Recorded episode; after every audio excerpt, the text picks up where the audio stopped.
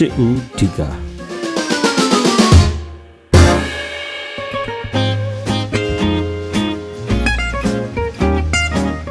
လူတိုင်းရဲ့ဘဝမှာအချစ်ဦးဆိုတာတော့ရှိခဲ့မှုကြတာပါပဲအချစ်ဦးနဲ့စုံစည်းခွင့်ရချင်မှရမယ်ဆိုပေမဲ့အချစ်ဦးကိုတော့တစ်ခါတလေတိုက်ဆက်မှုတွေရှိလာရင်တတိယတက်စမင်မဟုတ်လားမညာပါနဲ့ခင်ဗျားတို့လည်းအတူတူပါပဲမဟုတ်လားအချစ်ဦးဆိုတာလောကဓာတ်တော့ပွင့်ဖူးခဲ့တဲ့ရှင်ခုံတိမ်မှုစီရတင်တဲ့ဇလန်လေးတစ်ပုဒ်ပေါ့ဗျာ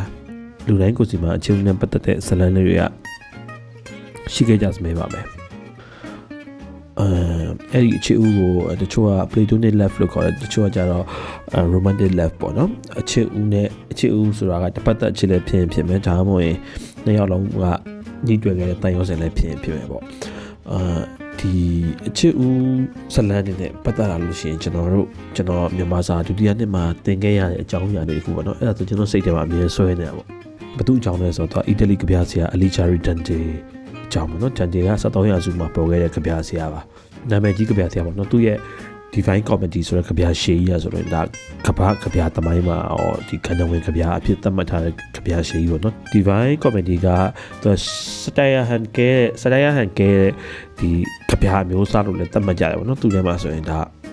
လူဒန်းစားပေါ့ခွဲခြားမှုတွေဒီအီတလီရဲ့ဖြစ်ပျက်နေတဲ့အီတလီအဲ့ချင်ဖလော်ရစ်မြို့မှာဖြစ်ပျက်နေတဲ့ဖြစ်ပျက်တွေအားလုံးကိုသူကတယော်ပြီးရေးခဲ့ရတယ်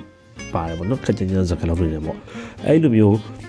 ကဗျာရှိသေးတယ်ပါသူ့ရဲ့အချစ်ဦးကောင်မလေးအကြောင်းကိုသူကတော်တော်နေရာတော်တော်များများထည့်ပြီးဖွဲ့ဆိုသွားတယ်ပေါ့နော်အဲ့ကောင်မလေးနာမည်က Beatrix လို့ခေါ်တယ်ကျွန်တော်ဟိုနာမည်အပြည့်စုံဆိုရင်တော့သူက Beatrix Portinari ပေါ့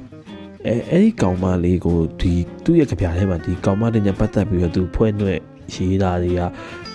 ဟိုတော်တော်များများဟိုပါတဲ့အတွက်သူနဲ့အဲ့ကောင်မလေးကသူ့ရဲ့အချစ်ဦးနေနေသူဟိုရေးခဲ့တာဖြစ်ပေမဲ့လည်းအဲ့လိုသူ့ရဲ့ဇလံကိုကျွန်တော်တို့လေ့လာတဲ့အခါကျတော့အဲ့ကောင်မလေးနဲ့သူနဲ့ကဒီ Beatrice နဲ့ Danny နဲ့ကဘဝမှာနှစ်ကြိမ်ပဲတွေ့မှုခဲ့တယ်။ Danny ကကိုညစ်သားမှာသူ့အဖေကဒီညသာစာပွဲဂျန်နာတစ်ခုကိုခေါ်သွားတဲ့အချိန်မှာအဲ့ဒီဂျန်နာလုပ်တဲ့အိမ်ရှင်ပေါ့နော်အဲ့ဒီ Beatrice ရဲ့အဖေကအာဟို Foco Portinari ဆိုတဲ့ဘန်လုပ်ငန်းရှင်ပေါ့တထေးပေါ့ဗျာအဲ့ဒီအိမ်ကိုတန်တီရောက်သွားတဲ့အခါမှာတော့အဲ့လိုသူဝှစုံအဖြူလေးနဲ့လှပနေတဲ့အဲ့ကိုနှစ်အရွယ်ကောင်မလေးကိုသူတွေ့တယ်သူကလည်းကိုနှစ်သားပဲအဲ့ဒီအချိန်မှာပေါ့အဲ့ဒီထဲကသူကအဲ့ကောင်မလေးကိုစိတ်ထဲမှာဆွဲလန်းသွားတာပေါ့နော်ဒါပေမဲ့သူတို့က Florence တမြို့ထဲမှာနေကြပါမယ် မတွေ့ဘူးကြဘူးတဲ့ကောင်မလေးကလည်းအာသူ့ထက်အဆင့်တန်းမြင့်တဲ့အတိုင်းဝိုင်းကလာတာဆိုတော့လေအဲ့လိုအပြင်သွားတဲ့ခါကျလို့ရှိရင်သူကသူအဆောင်ရှောက်တင်နဲ့သွားတာမျိုးဖြစ်ရင်ဖြစ်အောင်ဖြစ်မယ်ပေါ့နော်ဟိုအာရတက်လုံးတွေပါနဲ့သွားတယ်ဖြစ်ဖြစ်မယ်ပေါ့ဒါတော့တန်တေကအဲ့ကောင်မလေးကိုအဲ့တစ်ချိန်မြင်မှုတယ်တဲ့နောက်ထပ်နောက်ထပ်9နှစ်အကြာပေါ့နော်9နှစ်အကြာတော့18နှစ်ပေါ့အသက်18နှစ်မှာသူအဲ့ကောင်မလေးကိုထပ်တွေ့ဘူးတယ်အဲ့ကောင်မလေးကသူ့အပေါင်းအသင်းတွေနဲ့ဒီဈေးထဲကိုလာတာကို တန်တေကတွေ့တွေ့ဘူးတယ်အဲ့တော့လည်းသူငေးမောကြည့်နေတာပါပဲအဲဒါပေမဲ့ကြည်ခွဲစရာကောင်းတာအဲ့ဒီသူတွေ့တဲ့အချိန်မှာအဲ့ကောင်မလေးကအိမ်တောင်ပြုတ်ဖို့အတွက်ပေါ့နော်ဒီမဲ့သူသူ့အဖေရဲ့နဲ့လုပ်ငန်းသူဘန်လုပ်ငန်းရှင်တယောက်ပဲနော် Simon Di Brandi ဆိုတဲ့လူနဲ့လက်ထပ်ဖို့အတွက်ကိုဒီသူ့တငယ်ချင်းနဲ့အတူတူဒီအင်ကြီးချုပ်ဖို့ပစ္စည်းသွားဝယ်ကြတဲ့အချိန်ဖြစ်နေတာပေါ့နော်အဲ့တော့ဟိုသူတို့နှစ်ယောက်ကသူကဒီဒန်တေကသူ့ရဲ့အခြေဦး Beatrix ကိုနှစ်ချိန်ပဲတွေ့ခဲ့မှုပဲမဲ့လေခုနကသူ့ရဲ့တကယ် ကန်တွင်းကြပြားတွေနောက်ထပ်ဖြစ်လာမယ့်ကြပြားတွေမှာလည်းဒီ Beatrix ရဲ့အလှပကိုပဲသူအများဟိုဖော်ကျူပြီးရေးရပေါ့နော်ဘယ်လောက်ကြည့်လဲဆိုအဲ့ကောင်မလေးကအာအသက်ဟိုလောက်မှ29 30လောက်မှသူစုံသွားတယ်၊ကွယ်လွန်သွားတဲ့အခါမှာလည်းကတ်ယောဂတစ်ခုနဲ့ကွယ်လွန်သွားတဲ့အခါမှာလည်းဒန်ဂျီကတော်တော်ကြီးကိုကြည်ကြည်ကွယ်ကွယ်နဲ့ကြပြားတွေကိုရေးခဲ့တယ်ပေါ့နော်ဒါဆိုရင်ကျွန်တော်တို့ကအချစ်ဦးဆိုတဲ့အဲအထိပ္ပယ်ကအာဒီရှင်ခုံတက်ဆအရွယ်မှာစပြီးတော့ကိုယ့်ရဲ့ဒီပေါ့ချစ်တတ်တဲ့စိတ်တော်နေရာယူခဲ့တဲ့ မျိုးသားပဲဖြစ်တဲ့မျိုးသမီးပဲဖြစ်စေပေါ့နော်ဘယ်တော့မှမေးမရနိုင်တဲ့တိုင်ရောစင်အဆိုင်ခဲလေးတစ်ခုပေါ့အဲဒီလိုပြောရင်တော့ကျွန်တော်လည်းမိမကလည်းရရင်ရိုက်နေဦးမယ်ဒါပေမဲ့မတတ်တယ်အာအချစ်ဦးနဲ့ပတ်သက်လို့ကကျွန်တော်ဘဝမှာအဲ့လိုပေါ့อืมချစ်ဦးနဲ့ပေါက်ပတ်ခဲ့ရတာဆိုကျွန်တော်တို့ကအချစ်ဦးဆိုတာများလုံးလို့ဘယ်နှယောက်မှတော့မသိတော့ပါဘူးဘယ်သူကအရှိဆုံးတော့မသိပါဘူးဒါပေမဲ့မမရရပေါ့အဲပထမဦးဆုံးထားခဲ့တဲ့ကြီးစားနဲ့ပတ်သက်ပြီးတော့ကျွန်တော်သူနဲ့ ဆက်တော့ချင်းချင်းတွင်းနေပါပဲပြတ်သွားတဲ့ဇလန်လေးတစ်ပုဒ်ရှိရပဲအဲ့ဒီဇလန်လေးကရေမွေးနဲ့ပတ်သက်နေရဗျအာရေမွေးဆိုတဲ့အသုံးတော့ကျွန်တော်စာကြားဖို့ခဲ့တာတော့3နှစ်နှစ်လောက်တည်းရပေါ့အဲ့တုန်းကကျွန်တော်တို့ကပဲခူးမြို့ထဲမှာနေတာကျွန်တော်အဖိုးတွေကကြာပဲခူးမြို့တစ်ပေါ့နော်ဟိုဒီပဲခူးချောင်းကြီးဟိုဘက်ခြမ်းမှာနေတာပေါ့အဲ့မှာကျွန်တော်အဖိုးကဟိုကျွန်တော်တို့ရှိတဲ့မြို့တဲ့အိမ်ကိုအများကြီးလာလဲဗျလာလဲတဲ့ခါကျရင်သူကကျွန်တော်အမေကိုသူက ပြောတယ်ပေါ့နော်အမေကကျွန်တော်အမေကသူ့ချွေးမှာပေါ့အာသူရင်မွေးလေးကုံသွားလို့လာဝယ်တာပေါ့အဲ့ဒါဒီအဲ့ရင်မွေးကမရှိတော့ဘူးပေါ့ကုံတိုင်းမှာအဲ့တော့ဟိုသမီးတို့လမ်းကြုံရင်ဝယ်လာပေးပါအောင်ဆိုပြီးတော့သူကရင်မွေးပလင်းလေးထားခဲ့တာကျွန်တော်အဲ့ရင်မွေးပလင်းလေးကိုယူကင်ပြီးတော့အဖုံးဖွင့်ပြီးတော့နမ်းကြည့်ရပါတော့နမ်းကြည့်တော့အနမ်းတော့အဲ့လိုပဲမှုေးပြန့်နေရပဲပေါ့ကျွန်တော်အဖိုးကသူကမဲတနေသမားဗျအဲဂီတသမားပြီးပြီးတသက်ရရက်လေးနေတတ်တယ်အဲအဖိုးတို့ခေတ်ကဆိုရင်တော့သူကအဆိုတော်မမောင်ညွန့်တော့မင်းသားဆိုရင်ကျော်ဆွေတို့ခေတ် ဖြစ်လောက်မယ်ထင်တယ်အဖိုးကအဲ့လို cosmetic လို့ခေါ်တဲ့ခေါင်းရင်းစီနဲ့စပင်ကိုအများနဲ့နောက်လှန်ပြီးတယ်ပြီးမက်ဒလင်ကိုကင်ပြီးတော့အဖွားကိုဖွန်ချောင်းခဲ့တယ်ဆိုတဲ့အကြောင်းကိုကျွန်တော်တို့အမြဲပြောပြတာပေါ့လေအာအဖိုးကဟိုသူမှာသွားတဲ့ရေမွေးပလင်းလေးကိုတော့သူကွယ်တော်နဲ့အထိမရသွားရှာပါဘူးဘာလို့လဲဆိုတော့သူသုံးနေကြရေမွေးတွေကနောက်ပိုင်းမှာစက်မထုတ်ဖြစ်တော့လို့ပါ ဒီကျွန်တော်တို့အဖို့တကိကရှင်မွေးနေကြတော့ပလင်းပူလေးတွေမှာအဖို့ဖွင့်လိုက်ရင်ထိပ်ဝါမှာအပေါက်သေးသေးလေးနေပေါ့လေအဲစပယ်ရနံ့တို့နှင်းစီရနံ့တို့အဲ့လိုအနံ့တွေရှိပြီးတော့အဲ့တုန်းကချစ်ဒီကုန်းဆောင်ဆိုင်တွေမှာဝယ်လို့ရတယ်အဲ့လိုအဖွားတော့ကျွန်တော်ပြောပြပူရောနော်အဖိုးကရေမွေးကြိုက်တယ်လို့မျိုးကျွန်တော်အဖေကလည်းရေမွေးကြိုက်တယ်ဗျဒါပေမဲ့အဖေကြိုက်တာကတော့အနံ့ပြင်းပြင်းရေမွေးတွေ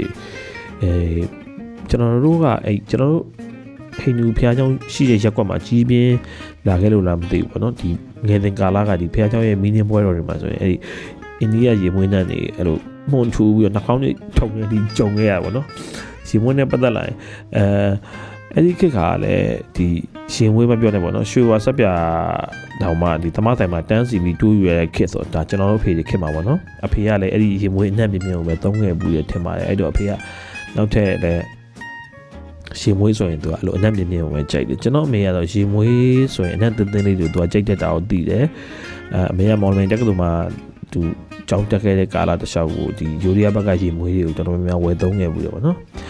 အာအိမ်မာကအဖေနဲ့မေကအဲ့လိုရေမွေးအေးကတုံးတာတစ်မျိုးစီပေါ့အဲ့ကြားမှာကျွန်တော်ကကြီးမြင်လာပါတော့ဒီ body spray လို့ခေါ်တဲ့ဒီရေမွေးကိုလည်းကျွန်တော်မှတ်မိနေတော့အဲ့ခေတ်ကဒီလူရိုင်းခေါင်းပုံစံနဲ့ဒီရေမွေးပလင်း တစ်မျိုးကိုလည်းအဖေဝယ်လာတာကျွန်တော်ကြုံခဲ့ဘူးတာပေါ့နော်နောက်ပိုင်းကျတော့လည်းကျွန်တော်တို့ကဒီမိသားစုစီးပွားရေးတွေဟိုဒီမိသားစုအရေးနဲ့ကျွန်တော်မိသားစုကခြားခြားလဲသွားပြီးတော့ရှီမွေးတော့အကောင်းစားမဝယ်နိုင်တဲ့ကာလတွေကိုဖြတ်သန်းခဲ့ရပါတယ်အဲ့တော့ကျွန်တော်ကကျွန်တော်လူပြိုပေါက်ဖြစ်လာတာပေါ့ဗျာခုနရီးစားဥဇလန်ကိုပြန်ဆက်မယ်ဆိုတော့အဲ့တော့ရီးစားရလာတာပေါ့ရီးစားရလာမမရကိုရနှစ်ထင်ပါတယ်အဲရီးသားဆိုတာ officially ပေါ့ကိုကတစ်ဖက်သက်ကြိုက်တာမျိုးမဟုတ်ဘဲနဲ့ကိုကလည်းကြိုက်တယ်ကိုကိုလည်းကြိုက်တယ်ပေါ့နော်အဖြေပြန်ရပြီးသားကောင်းမှလေးပေါ့ အိမ်မှာဖြစ်ချင်တာကျွန်တော်ကလှကျင်ပကျင်လာတယ်ဗျာအနည်းဆုံးအရင်ကဘယ်လိုပဲဟိုနေခဲ့နေခဲ့ဒီရီးစားနာကန်တော့မွေးတေးအနံ့လေး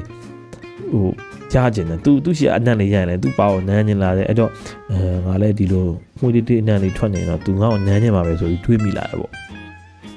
အဲ့တော့တရက်တော့ကျွန်တော်တို့မြို့ကရွှေမော်တော်ဖျားမှာပေါ့နော်ကျွန်တော်တို့ကျောင်းကစွန်းတော်ကြီးကက်လူပဲနှစ်စင်တိုင်းလုံးလေးရှိရယ် အာအဲ့ဒီအချိန်မှာတော့ဟိုကျောင်းကျောင်းတို့ကျောင်းသားအားလုံးကမနှက်စောစောပေါ့နော်အဲ့လိုဖျားကိုလာကြလာကြရတယ်ပေါ့စုဝေးကြပေါ့ဖျားမှာဒီစွန်းတော်ကြီးပွဲအတွက်ကိုအဲ့မှာကျွန်တော်ကဘယ်သူမှမလာခင်မှာကျွန်တော်ရေးစားကျွန်တော်မနှက်အစိုးကြီးချိန်နေဗျသူချိန်တာအဲ့ဖျားဘွားတောင်းနေတခုပေါ့နော်ခရီးပင်တောင်းနေမှာကျွန်တော်တို့ချိန်တွေးကြမှာပေါ့အဲ့တော့ဒါတကယ်ဟိုဟိုကလေးတဘာဝရေးစားထားတဲ့အရွယ်ဆိုတာတယောက်နဲ့တယောက်ဒီအတူတူလေးရှင်ထိုင်ပြီးစကားပြောရတာဟိုတကယ်ကိုလုံးဝဟို ၃လေးရက်လောက်အိတ်မပြောတဲ့အထိဖြစ်နိုင်တဲ့ feeling ပေါ့ဗျာပြီးတော့ကျောင်းလူတွေလာရင်တော့ကျွန်တော်တို့ကစွန်းတော်ကြီးပွဲကိုတခါလဲတက်လိုက်မယ်ပေါ့အဲ့လိုနဲ့ကျွန်တော်မနေ့စောစောထပြီးရေချိုးတယ်ရေမွေးချိုးပြီးတော့ခါရေမွေးရှာတာဗျအဲ့အဲ့တုန်းကအိမ်မာကခုနကကျွန်တော်ပြောတယ်နော်မိသားစုကစီးပွားရေးကိစ္စတွေဒီလူငွေကိစ္စတွေနဲ့ရေမွေးတောင်မှကောင်းကောင်းမဝယ်နိုင်တဲ့အချိန်တွေပေါ့ဗျာအဲ့အချိန်မှာကျွန်တော်အဖေနောက်ဆုံးဝယ်ခဲ့တဲ့အဲ့လူရိုင်းကောင်းရေမွေးပလင်းလေးကိုဟိုထုတ်တမ်းမှာတော့တွေ့တယ် အဲ့ဒီမွေးပလင်းလေးကဝယ်ထားတာကတစ်နှစ်ကျော်လောက်ကြာပြီဆိုတော့ပလင်းဖြစ်မှာကက်နည်းနည်းတော့ကြံသေးရပါတော့ဘာပဲဖြစ်ဖြစ်ဒါလေးကိုစုပ်သွားရင်တော့ကျွန်တော်မှုေးမယ်ဆိုပြီးတော့ကျွန်တော်စိတ်ထဲမှာဟိုကတွေးလိုက်တာပေါ့ဒါနဲ့အပြင်ထွက်ကနေကြတော့ကျွန်တော်ရေမွေးပလင်းအဖုံးဖွင့်တကူလုံးကိုဖျက်ချပလိုက်တယ်အနံ့နေရာနဲ့ထောင်းနေပဲအဲဒါဟိုရှင်မွေးစုခါသားမလို့ပေါ့နော်ဟိုကဖြစ်တယ်ထင်ပြီးတော့အာအနံ့ကဒီလောက်ထိဖြစ်လာတာထင်ပြီးတော့ကျွန်တော်လည်းဘာမှမတွေးမိလိုက်ဘူးနော်ဖြ ည့်တွေးပြီးတော့ထွက်လာလိုက်တာပေါ့ဇောကလည်းကတ်နေပြီးတော့ပုံမှာဇောကစောင့်နေပြီဖျားအောင်မှာအဲ့နဲ့ကျွန်တော်ဖျားမရောက်တဲ့အခါမှာလေကားချင်မှာကျွန်တော်ကောင်မလေးရစောင့်နေအဲသူ့လက်ကိုဆွဲပြီးကျွန်တော်ရှင်မောင်တော်ဖျားကတေပင်ကြီးအောက်ကခုံမှာသူနဲ့ကျွန်တော်လည်းအတူသွားထိုင်တာပေါ့ထိုင်ရင်းနဲ့အဲ့လိုနည်းနည်းပေါ့ဗျာလူရှင်းလာတဲ့ခါကျတော့အာသူကချက်တော်ရုံတော်နဲ့ကျွန်တော်ရှင်ဝင်တော့ခေါင်းလေးဝင်လာတဲ့အချိန်မှာဘုံစောင့်တူချက်ချင်းပြန်ထွက်လာပြီးတော့သူ့နှာခေါင်းပွားစီပွားစီလုပ်တယ်ဟင်ဘာဖြစ်တာလဲ နင်အရက်တွေတောက်လာရမဟုတ်လားအာမဟုတ်ပါဘူးခါသူ့နှာခေါင်းကကျွန်တော်ရှင်ဘက်တော့တခါရောက်လာပြီးပွားစီပွားစီလုပ်ပြန်တယ်အာထွီအရက်သမားဒီရွယ်နဲ့အရက်ကတောက်နေပြီးတော့မနဲ့စောစီကုသိုလ်ရေးလုပ်ကြမယ်ဟာအရက်သမားတော့ငါးဘွားတော့ဘလုံးမမရွေးချယ်နိုင်ဘူးထုံးစံနိုင်ဗျာဗမာပေါ်ကားတွေကဇလန်တွေတိုင်းပေါ့သူကသူ့ဖေကအဲသူ့ဇလန်ကလည်းသူ့ဖေကအဲ့လိုပေါ့အရက်တောက်ပြီးတော့ဆုံးသွားတာသူငယ်ငယ်လေးကဆုံးသွားပြီးတော့အရက်သမားဆိုဟိုဘာဖြစ်တယ်ဆိုကျွန်တော်ပလေးဇက်ကိုအဲ့လိုချုပ်ပြီးပြေးထွက်သွားကျွန်တော်ကြောင်ပြီးကြံခဲ့ရပါတော့အ မှန်တမ်းပြောရင်အဲ့ဒီချိန်ကကျွန်တော်အရက်ကိုဟိုးတောက်နေရမှန်ပေမဲ့အဲ့လိုမျိုးမနဲ့အစောကြီးတော့တောက်ဖို့ဒီအစီအစဉ်မရှိတော့ခုနကျွန်တော်အင်ကြီးကအနံ့ကိုကျွန်တော်ပြန်နန်းကြီးတော့မှအရက်နံ့ကမွန်ထူနေတကူလုံးအဲ့တော့မှပဲကိုကိုသတိထားမိရပေါ့နော်ဒီဒီရေမွေးတွေကအရေသွေးညံ့တဲ့ရေမွေးတွေကဒီရက်လုံးပြီးတော့ငွေးပြန်တဲ့ခါမှာဒီအရက်ပြန်နှံ့မယ်ကြံနေတယ်ဆိုတော့ကျွန်တော်အဲ့တော့မှတိလိုက်ပေါ့တိတဲ့ချိန်မှာတော့ရီစာဦးကကျွန်တော်ထားပြီးလစ်သွားပြီပေါ့နော်ဟိုကကိုမှရအောင်ရခဲ့အခွင့်အရေးလေးကိုအဲ့နေ့ကစပြီးဆုံးရှုံးလိုက်ရတာပေါ့ဗျာ อืมအဲ့နောက်ပိုင်းတော့ကျွန်တော်ရေမွေးဆိုရင်တော်တော်လေးကိုယူဆိုင်ရွေးချယ်ဖြစ်ခဲ့တယ်ပေါ့နောက်ပိုင်းကျရင်တော့အဲအခုအိမ်တော်ကြာပြီးနောက်ပိုင်းလဲကျွန်တော်မျိုးသမီးကပေါ့နော်မိမရေမွေး crazy သူကအာသူအလှပြန်ကောင်မှာဆိုရေမွေးမျိုးစားတွေက7 min 15 plane တော့အများကြီးရှိရလို့သူလက်ဆောင်ရတာတွေရောအဲ့လိုဝယ်တာတွေရောပေါ့နော်အဲဒါပေမဲ့အဲ့လိုဖြစ်တော့ခွာကြတာအဲကျွန်တော်တကယ်ချင်းနိုင်ငံသားရွယ်သွားတဲ့ခါကျတော့လင်မယားကြောက်ကိုဘာမှမလဲလို့မေးတဲ့အချိန်ပေါ့ ကျွန်တော်မှားကျင်တာဗျာ duty free ကချက်တဲ့နေရ whisky လေး Johnny Walker အစစ်လေးတစ်လုံးလောက်ဆွဲခဲ့ပါဟာဆိုပြီးတော့မှားကျင်တာအာဒါပေမဲ့အဲမိန်းမကျတော့ရှင်မွေးတပလင်းလောက်ဆိုပြီးကြိုပိတ်လိုက်ရင်ကို့မှာတတွေးလေးသာမျိုးပြီးမျိုးချပြီးတော့နေလိုက်ရတာပေါ့ lady first ဆိုတော့ရှိရမို့လားအမ်တခါတည်းတော့လည်းစဉ်းစားမိတယ်ဗျအဲရှီမွေးလဲဆွတ်လို့ရတောက်လဲတောက်လို့ရတဲ့အရက်ရှီမွေးရှင်တိတ်ကောင်းပါပဲဘာလို့လဲဆိုတော့တိတ်မဲ့ပညာရှင်တွေကဒါမျိုးကြောင့်တီထွင်ဖို့သတိမရကြဘူးဒါမျိုးတီထွင်ပြီးတော့ တော်တော်တော့ကောင်းမယ်ဘာလို့လဲဆိုတော့နောက်တစ်ခါနိုင်ငံသားကနေတကယ်ချင်းတွေပြန်လာရင်ဒီတောက်လို့ရတဲ့ရေမွေးမှာမယ်အဲ့တော့မှကျွန်တော်ကျွန်တော်မျိုးသမီးတွေကတော့အဆင်ပြေမှာမဟုတ်လားဗျနော်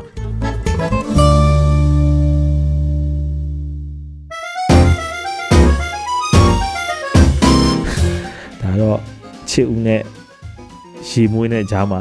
ကျွန်တော်တို့ရဲ့ပထမဦးဆုံးကျွန်တော်ရဲ့ဇလန်လေးပေါ့ဗျာနောက်တစ်ပတ်မှာတော့ကျွန်တော်နောက်ထပ်ကြုံရတဲ့အချစ်ဦးနဲ့ပတ်သက်တဲ့ နောက်ထပ်ဇလန်လေးလည်းထပ်ဖတ်ပြပေးတော့မှာဖြစ်ပါတယ်ဗီဒီရှာကိုကိုမမ